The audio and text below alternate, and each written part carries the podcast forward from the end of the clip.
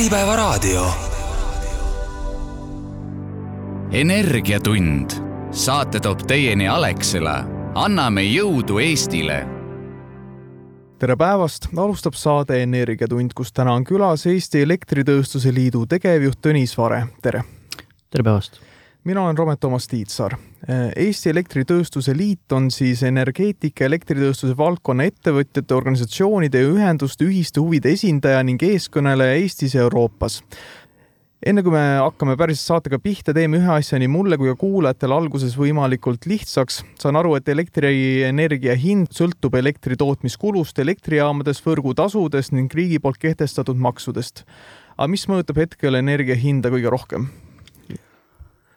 Kui nüüd alustada sellest, siis, äh, siis võiksin nii-öelda lihtsustatud korras ütelda seda, et äh, elektri hind äh, siis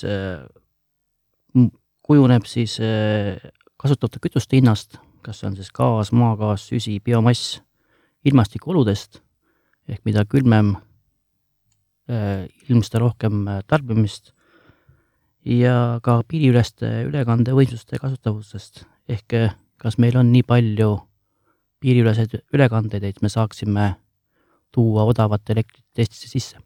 okei okay,, ja hetkel, mis kõige rohkem mõjutab, kui saab üldse nii äh, kommenteerida?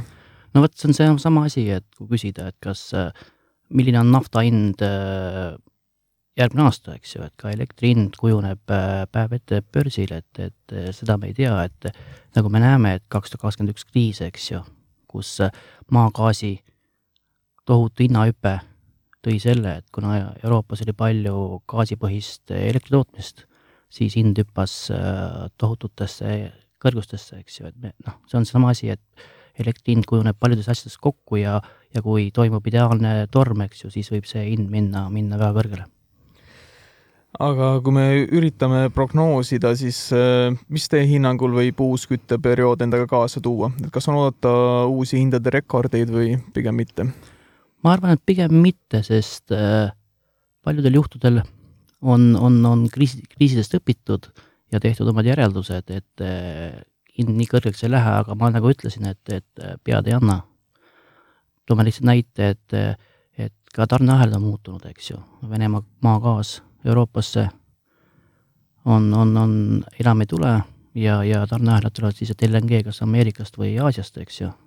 et ja küsimus on selles, et noh, nagu ka tänased uudised on, et kui, kui teatud tarneahelates tekivad tõrked, siis võib äh, kütuse hind, eks ju, tõusta, noh, toome näite, et Austraalias LNG tehaste streigid, eks ju, et, et kui see mõjutab suurist, suuresti, suuresti Euroopat, et siis sel juhul võib see hind ka tõusta kõrgele, aga ma arvan seda, et see, see, see talv arvatavasti selliseid hinna, hinnatippe ei tule kui, kui eelmine kriis nii et äh, teie hinnangul valitsus ei pea sel sügisel ettevõtetele appi minema?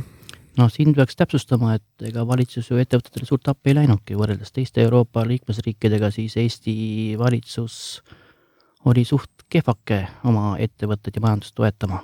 ehk me võrdleme ennast Euroopa teiste liikmesriikidega, siis äh, võib tegelikult ütelda, et Eesti ettevõtted on äärmiselt tublid ja tugevad.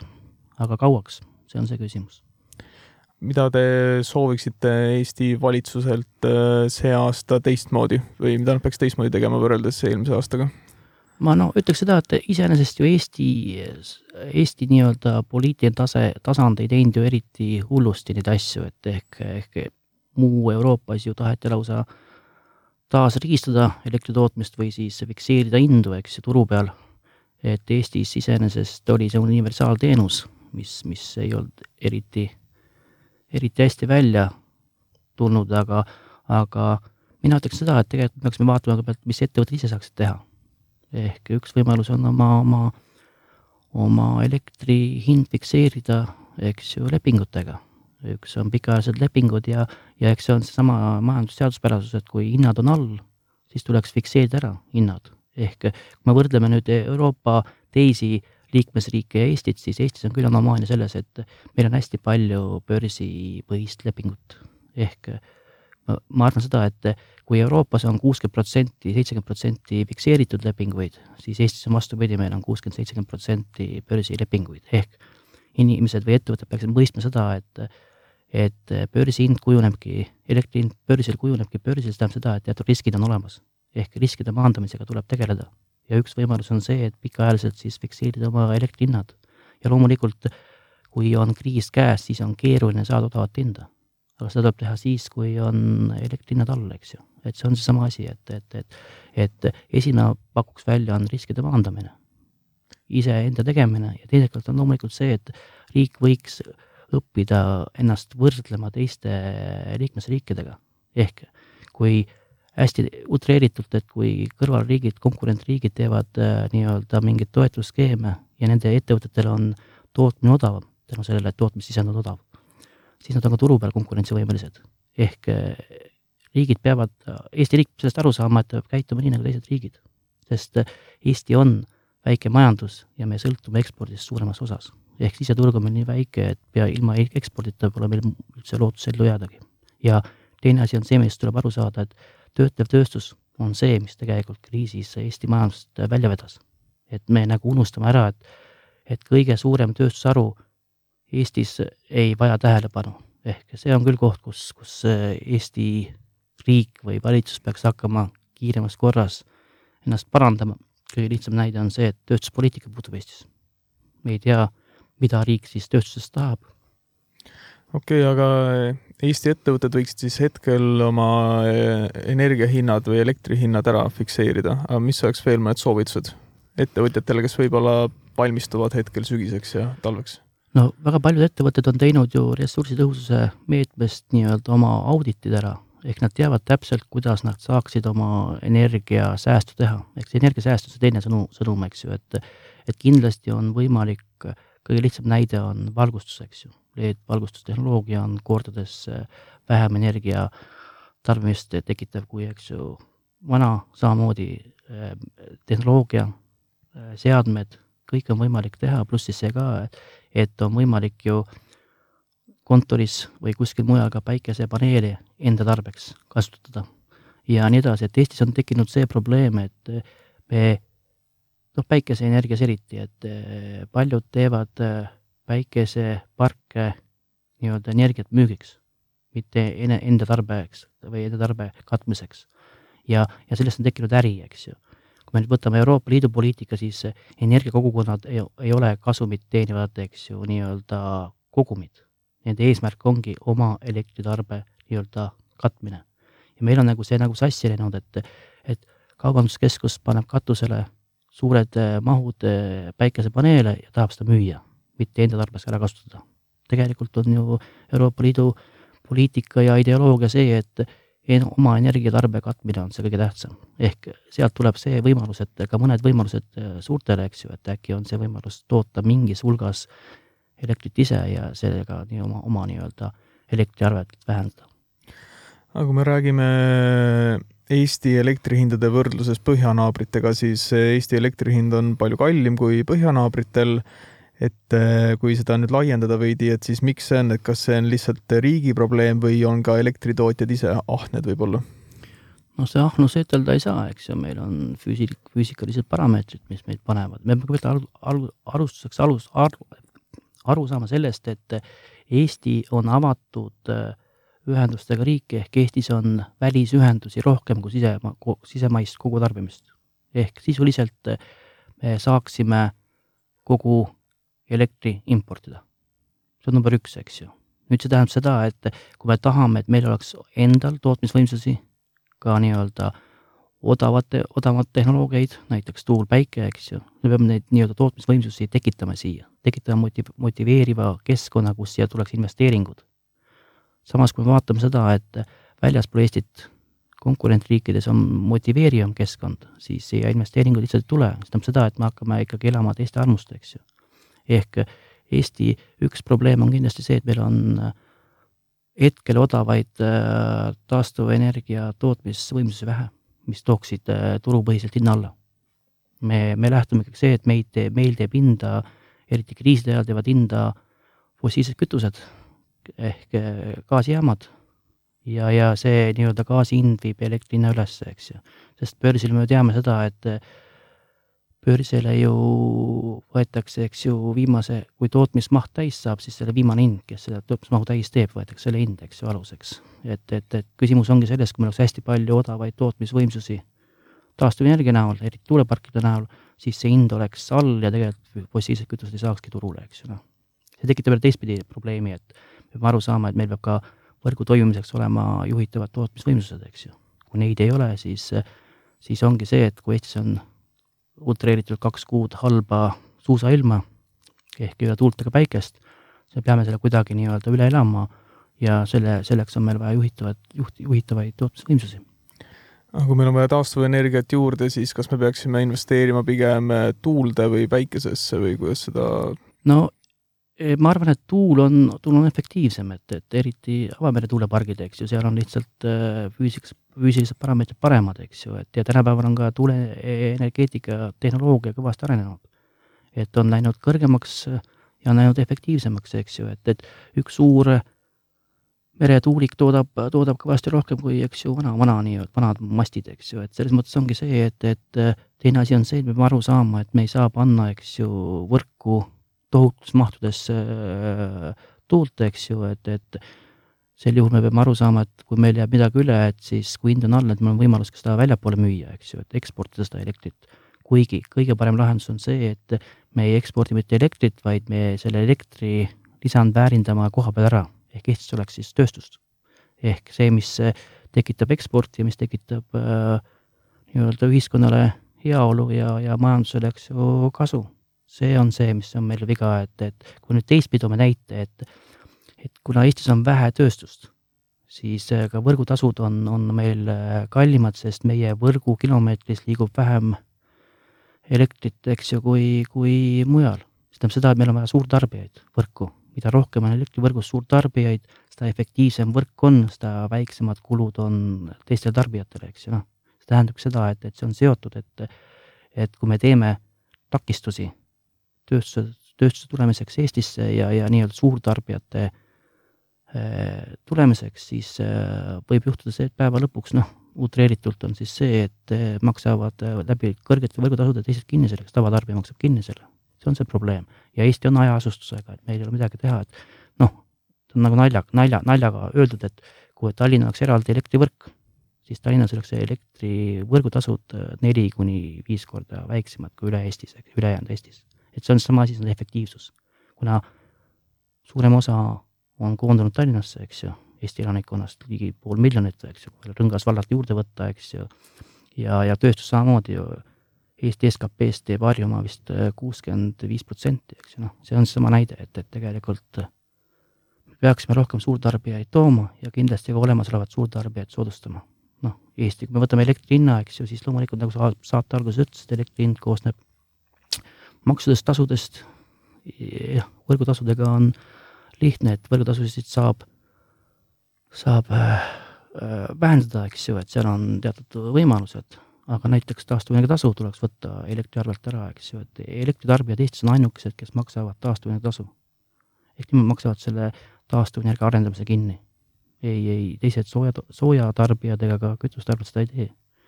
elektril on ka aktsiis, eks ju, peal ehk, ehk, ehk samamoodi on siis see, et see on võimalus vähendada elektriarveid ka riigi poolt, eks ju. ja, ja kindlasti on siis see, et noh, elektri hind, et kui meil oleks äh, rohkem taastuvenergia tootmisvõimsus, oleks ka elektri hind turupõhiselt madalam, eks ju, noh, et, et see on see riigi pool ehk, ehk riik ei pea mitte midagi vägisi tegema või nii-öelda sunniviisiliselt, vaid riik peab sisuliselt siis looma keskkonna, et oleks võimalik luua eeldused selle, selle nii-öelda äh, konkurentsivõimelisele elektri hinnale. see on see, mis on seal riigi ülesanne. nii et kui riik vähendaks maksetasusi ja võimaldaks paremini taastuvenergial tulla Eestisse, siis see oleks lahendus?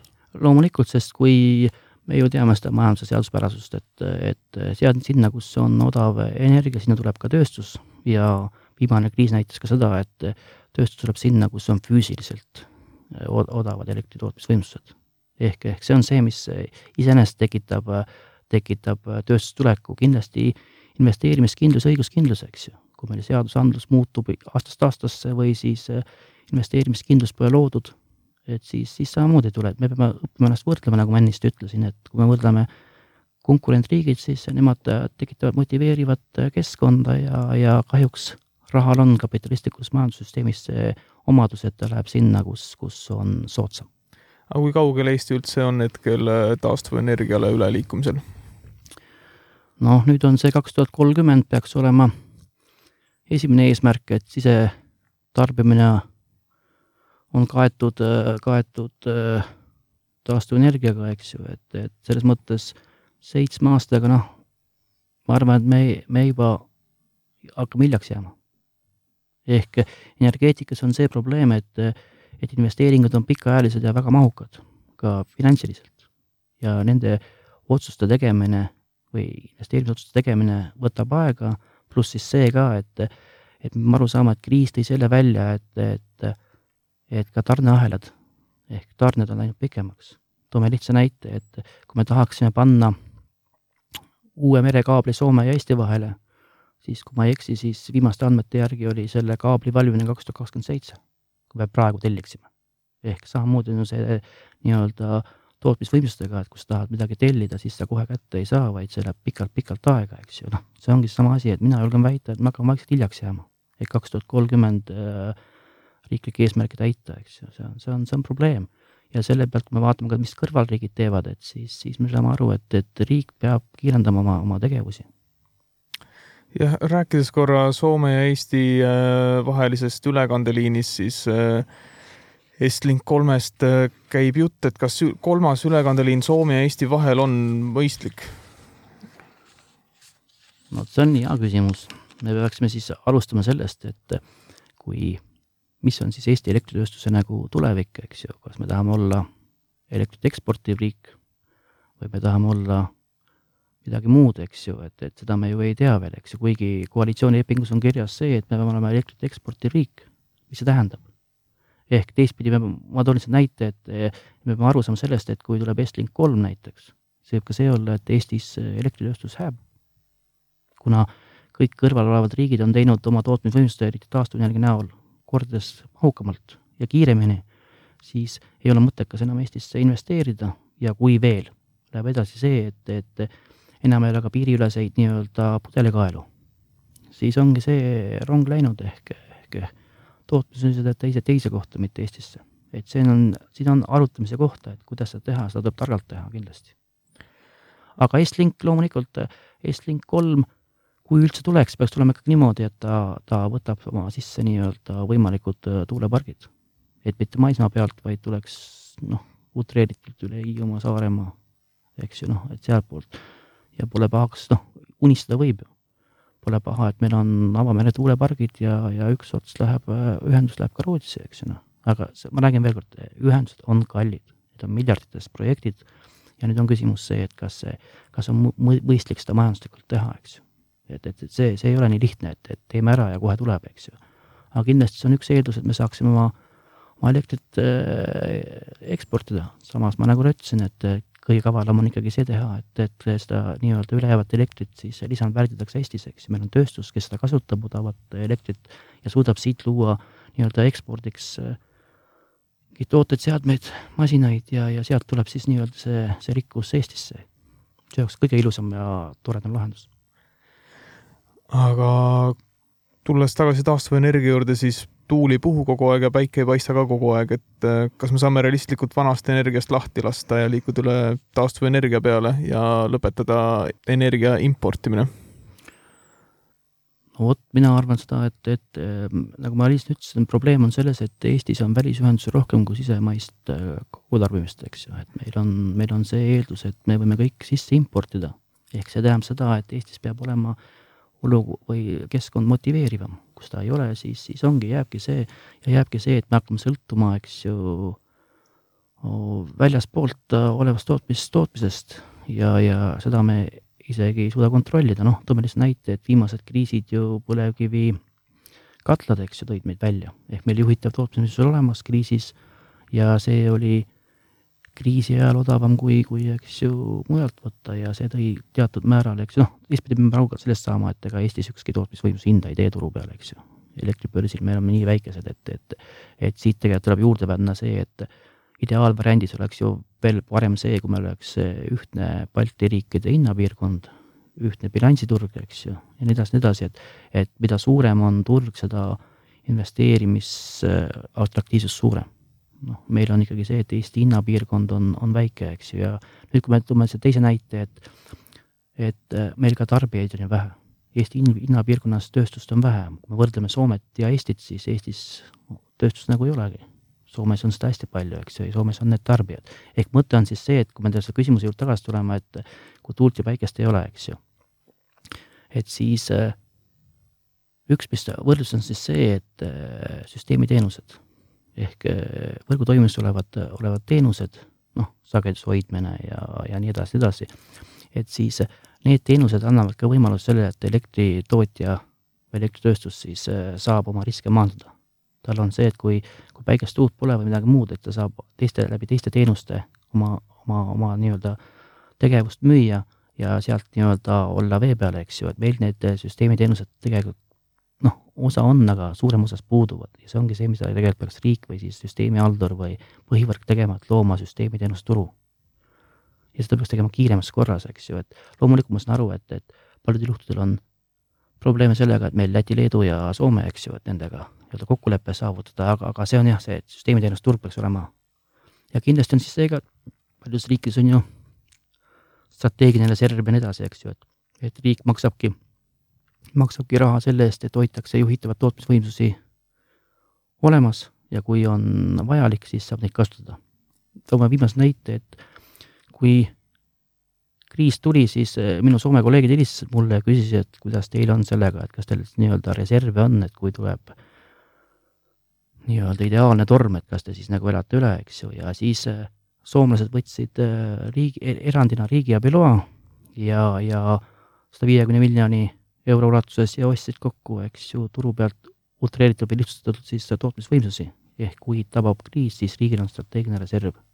ehk, ehk neid teisi asju on veel, kus siis, kus siis saab nii-öelda pakkuda, pakkuda nii-öelda elektritootjale mingeid, mingeid tagatisi, turupõhiseid nii-öelda võimalusi, et ta, et ta oma riske saaks maandada. aga kui äh, peaks tulema ideaalne torm, importida on keerulisem ja me peame ise tootma, kas Eesti saab hakkama? No Eestis on põlevkivi, et hingame kergendatult, et meil on olemas, kindlasti on Eesti üks võimalus ka kohalik äh, biogaas, biometaan, eks ju. et, et avariijaam Kriisal, eks ju, mitte ei peaks kasutama mingit äh, maagaasi kuskilt mujalt, vaid miks mitte biogaasi, eks ju, Eesti enda, enda, ehk ehk äkki on mõttekas, noh, see on uitmõte loomulikult, on mõttekas äkki tõesti strateegiline reserv tekitada biogaasina, eks ju. et mitte panna seda transporti, vaid äh, kokku korjatagi ja hoida kuskil Läti hoidlas või ükskõik, eks ju, noh, et, et see on mõttekas, et eks, eks see energiamajanduse arengukava pikaajaline, eks ju, seal neid erinevaid stsenaariume mängitakse, aga, aga kindlasti on võimalus see, et üks juhitav tootmisvõimsus oleks biometaan, teine oleks kindlasti biomass. et Eestis on ju biomass, aga Eesti probleem on see, mis eriti biomassist tuleb välja, siis see, et Eesti riik tahab sisemaiselt äh, kehtestada rangemaid äh, regulatsioone kui Euroopa Liit ise. Ehk see on see, mida tegelikult konkurentsivõime mõistes teha üldse ei tohiks. kui Euroopa Liit midagi kehtestab, siis tuleks see sama, samaväärselt üle võtta, mitte teha nii-öelda rangemaid äh, piiranguid. loomulikult, rangem piirang on erandina lubatud siis, kui see tekitab konkurentsivõime ehk mingi, mingi eelise. aga kui seda ei tekita, siis see on tegelikult oma riigi majanduse konkurentsivõime tapmine. ja see on see, mida Eestis on paljudel juhtudel juhtunud, et, et, et meil on sisemaine regulatsioon karmim kui Euroopa Liidus. ja see tähendab seda, et me lõikame lihtsalt oma konkurentsivõimet okei okay., äh, esimese saate poole lõpetusega lihtsalt võttes kokku meie saate esimest poolt, siis äh, ma juba ühe korra põhimõtteliselt küsisin seda, aga mis oleks äh, Eesti Elektritööstuse Liidu kolm soovitust Eesti valitsusele, et kuidas aidata Eesti riigil olla parem elektritootja? Kindlasti esimesena on see, et, et taastuvenergia tootmisvõimsuste tekitamine, eks ole, motiveeriva keskkonna loomine ehk äh, investeeritakse Eestis asuvatesse taastuvenergia tootmisvõimsustesse hetkel, sest äh, mina ju pead ei anna, et me peame aru saama sellest, et äkki nelja, viie, kümne aasta pärast on tehniline tehnoloogia, mis on odavam, eks ju, noh, et aga, aga hetkel on küll see, et, et taastuvenergia tootmisvõimsusi tuleks motiveerida, et seda siia Eestisse investeeritaks. kindlasti teine asi on see, et võimaldada või siis õppida võrrel-, võrdlema ennast teiste, teiste konkurentriikidega, ehk mis nemad teevad. me peame aru saama, et me tegelikult ju tegutseme ühes supipotis ehk ühes supipoti ääres ei ole võimalik teistsuguse, teistsuguse koostisega suppi keeta. me oleme ühendatud, niimoodi ühendatud ja see tähendab seda, et, et kui teine riik teeb mingeid meetmeid, võtab kasutusele, kusjuures suurem hulk võtavadki kasutusele, kasutavadki seda ära, eks ju, nii-öelda võimalusi, siis ka Eesti riik peaks seda tegema, sest muidu ta paneb oma, oma ettevõtted, oma majanduse halvemasse olukorda. ehk see on see nii-öelda võrdlemine, seda peaks pidevalt tegema ja valdkonnapõhiselt. Et, et lihtsalt aru saaksime, siis on see, et kui me võtame isegi elektri hinna Eurostatis ja hakkame seda võrdlema, siis me võrdleme tegelikult apelsini untega, sest äh, Eurostatis ei kajastu riigierandid. paljud riigid teevad oma tööstusettevõtetele erandeid, eriti maksu näol, kas elektriaktsiis või taastuvenergia tasu ei ole või midagi muud, eks ju, ja mõte on hästi lihtne. mõte on see, et tootmissisend oleks odav ehk ekspordivõimekus oleks suurem ja nad teevad seda päris äh, jõudsalt. noh, toome lihtsa näite, et kui Eesti on võtnud kaks riigiabi luba, taastuvenergia toetusskeemid, siis Soome riik on üle saja viiekümne erineva riigiabi loa võtnud ja suurem osa on ikkagi oma majanduse või oma riigi huvide seismiseks. ehk kas nad on siis andnud mingile, mingi erandina mingile valdkonnale näiteks äh, odavama elektri maksud, makse ei ole, eks ja nii edasi, nii edasi, et see on, see on see küsimus, mis tegelikult riik peaks selgelt aru saama, et, et õppima võrdlema ja proovime tekitada oma ettevõttele samasuguse, samaväärse konkurentsipositsiooni, nagu teised riigid teevad.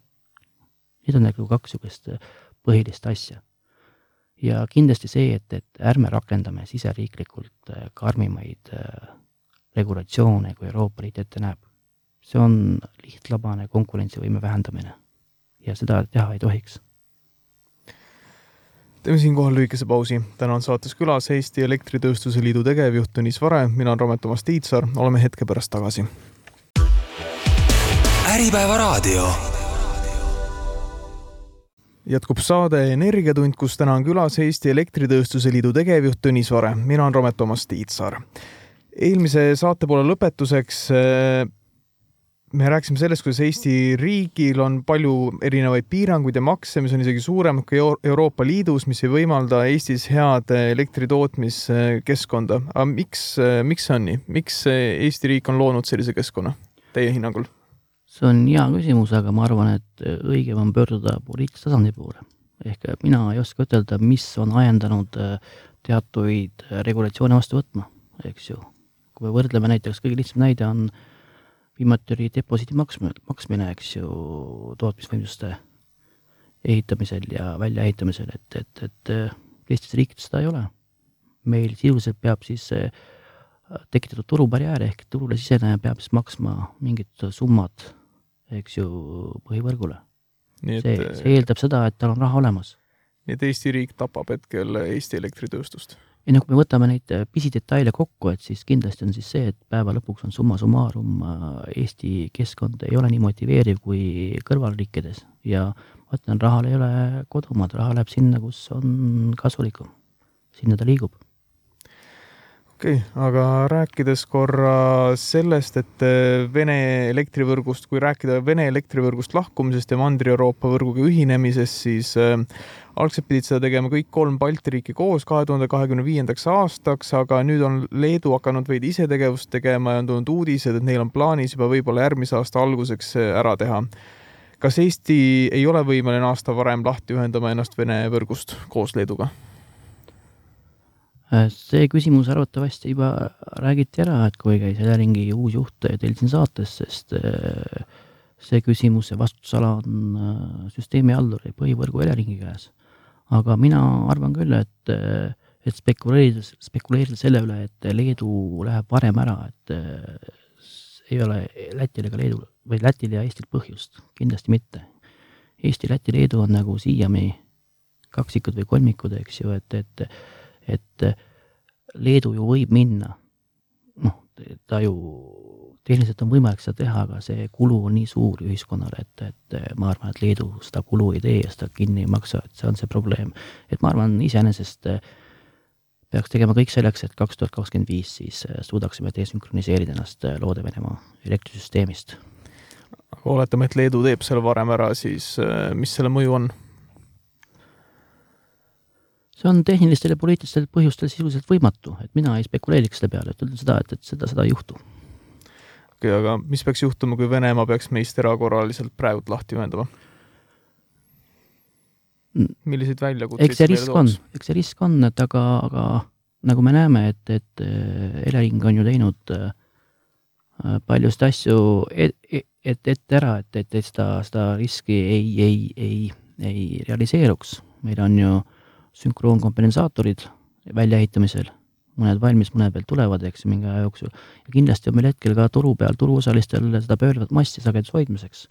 ehk ma arvan, et, et tehniliselt on võimalik äh, võrku toimimas hoida, kui Venemaa pool seda, seda teeb. mis see tarbijale tähendaks?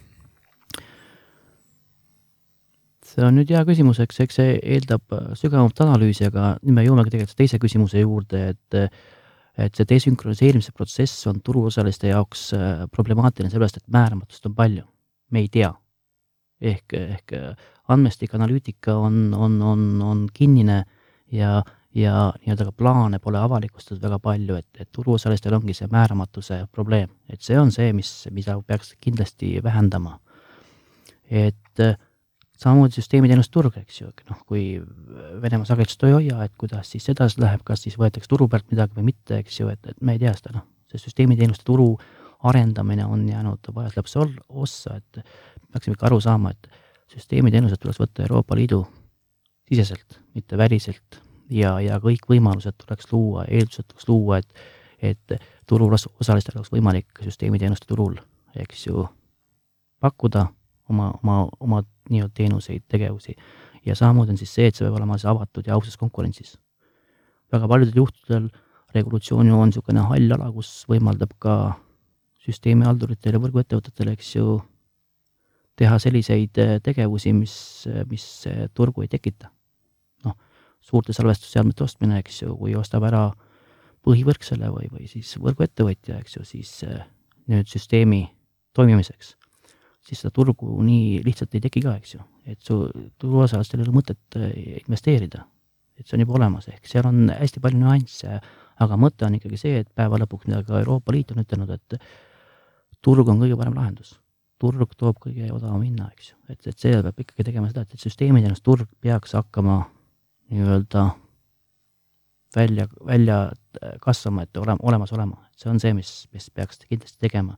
no üks üks probleem on kindlasti ka see, et Harmony Link, mis on Leedu ja Poola vahel, eks ju, elektriühendus, piiriülene elektriühendus, ehk selle valmimine lükati edasi, eks ju, et, et pidi algul kaks tuhat kakskümmend kaheksa valmima, nüüd valmib kaks tuhat kolmkümmend. ehk, ehk nüüd on küsimus selles, et me oleme Kesk-Euroopaga, eks ju, ühenduses, meil on nõrgad ühe-, noh, ühendused on nõrgemad, kui oleks Harmony Linkiga koos ja kindlasti on siis see ka, et et elektrikaubandus saab oma löögi, sest äh, teatud äh, piiriüleseid äh, ühendusi hoitakse sageduse hoidmiseks, eks ju, et süsteemiteenuste hoidmiseks, eks ju, et seal on see küsimus, et siis elektrikaubandus ei toimi. ehk meil ei ole võimalik, eks ju, siis kas elektrit müüa või sisse tuua, eks ju, et noh, see on see probleem, mis, mis võib tekkida sealt armulingist, eks ju.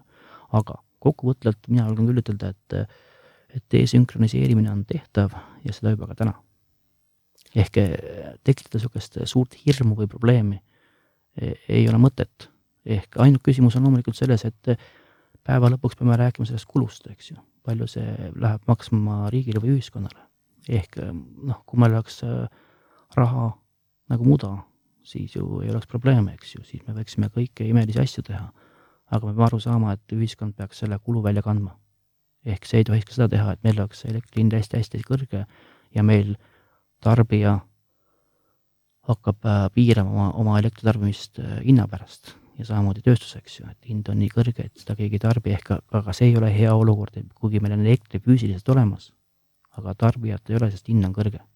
et see on ka halb olukord nii et äh, Eesti oleks valmis ka äärmisel juhul praegu desünkroniseerima, aga kui kõik läheks plaanipäraselt ja ikkagi see toimub alles aastal kaks tuhat kakskümmend viis, siis küsiks lihtsalt üle uuesti, et äh, mida see ettevõtjatele võiks tähendada, et mida see hindadega lõpuks ikkagi teeb, kas pigem tõusevad? noh, meil on ju lubanud desünkroniseerimise läbi viia seda, et, et hinnad ei tõuse, eks ju, et, et, et üks asi on see, aga kindlasti on, mis turuosalistele tooks kaasa selguse, on siis see, et eh, eks võrguettevõtted, süsteemihaldurid peaksid tegelikult avaldama oma kümne aasta võrgu arenguplaani ehk väga detailse. Ehk Eestis on sellega natuke probleeme ja turuosalised ei tea, mis, mis täpselt toimuma hakkab, ehk me jõuame selle määramatuse juurde tagasi, et mida vähem määramatust, mida selgem turukorraldus, mida selgemad plaanid, seda lihtsam on seda desünkroniseerimist teha. ehk ka turg ju aitab kaasa, eks ju, et kui on võimalus pakkuda teenust, siis ausas ja avatud konkurentsis see teenuse hind läheb madalamaks Hando Sutter rääkis Eesti Elektritööstuse Liidu ühes artiklis, äh, seal ei olnud kuupäeva juures, et äh, ma eeldan, et see on veidi vanem, aga et tarbijal on vabadus end võrgust välja lülitada ja ise ka elektrit toota. näiteks vesinikul põhinev koostootmisjaam võib vabalt varustada mõnda väiksemat elurajooni. et see pole enam utoopia, vaid reaalsus, et kas te näete päriselt, et inimesed on valmis ka hakkama ise tugevalt energiat tootma nõnda? eks Euroopa Liidu regulatsioonis ja po ametlikus poliitikas on ju energiakogukonnad lubatud ehk ja ka nende, seal on see, nagu päeva alguses rääkisin, et, et see eesmärk on ikkagi oma energia tarbimist, eks ju, katta, mitte müügiks, vaid oma energia tarbimist katta, et see on see kõige tähtsam äh, nagu sõnum, ideoloogiline sõnum, mida ka Euroopa Liit on andnud. ehk kui tehnoloogia muutub odavaks ja, ja kindlasti on võimalus nii-öelda äh, saada odavamalt, eks ju, kas elektrit või muud energiat, siis, siis on võime, võime koostöös on võimalus küll, eks ju, noh, toome lihtsalt näite, et ju keegi ei keela näiteks kahel-kolmel suurel tööstusettevõttel kokku tulla ja teha, teha oma, oma tuulejaama ehitada, eks ju, noh, et, et see, see, see on kõik võimalused, aga kindlasti on see probleem see, et, et nagu ma ütlesin, energeetikas on investeeringud väga mahukad, nii füüsiliselt kui ka rahaliselt, eks ju, et see, see on see küsimus see, et see ei ole nii lihtne, et homme teen. kõige lihtsam variant on see, et katusele, eks ju, päikesepaneelid panna miks mitte, leida süsi-, leida energia efektiivsus oma, oma tootmises või oma elamises, eks ju, noh. ka meie saame ju korterites või majades või siis ridaelamutes on võimalik ju hoida, eks, kokku, eks ju, oma tarbimist juhtida, noh, see on, see on see, see, see ka võlus on see tarbimise juhtimine, eks ju, tarbimise juhtimine ka süsteemselt on võimalik. et, et see tarbimise juhtimine on see, see märg, see nii-öelda märksõna, mida võiks ka kasutada efektiivsemalt ja ja see annab selle juurde, eks ju. aga loomulikult energiakogukonnad on võimalikud, ainuke, mis ma ikkagi tahan ütelda seda, et kui te teete energiakogukonna näiteks, siis teil on ka võrku vaja. ega see ei tähenda seda, et, et, et võrgutasudest saate kohe kokkuhoiu, eks ju. alternatiivina peab teil ka võrguühendus olemas olema, sest kui teil juhtub midagi oma nii-öelda elektri, sisemises elektritootmises, eks ju, siis teil on vaja, eks ju, ka välist ühendust. ja siin me tuleme selle juurde, et, et võrku panustamine, eks ju, noh, soomlastel on väga hea nagu äh, selgitus tehtud.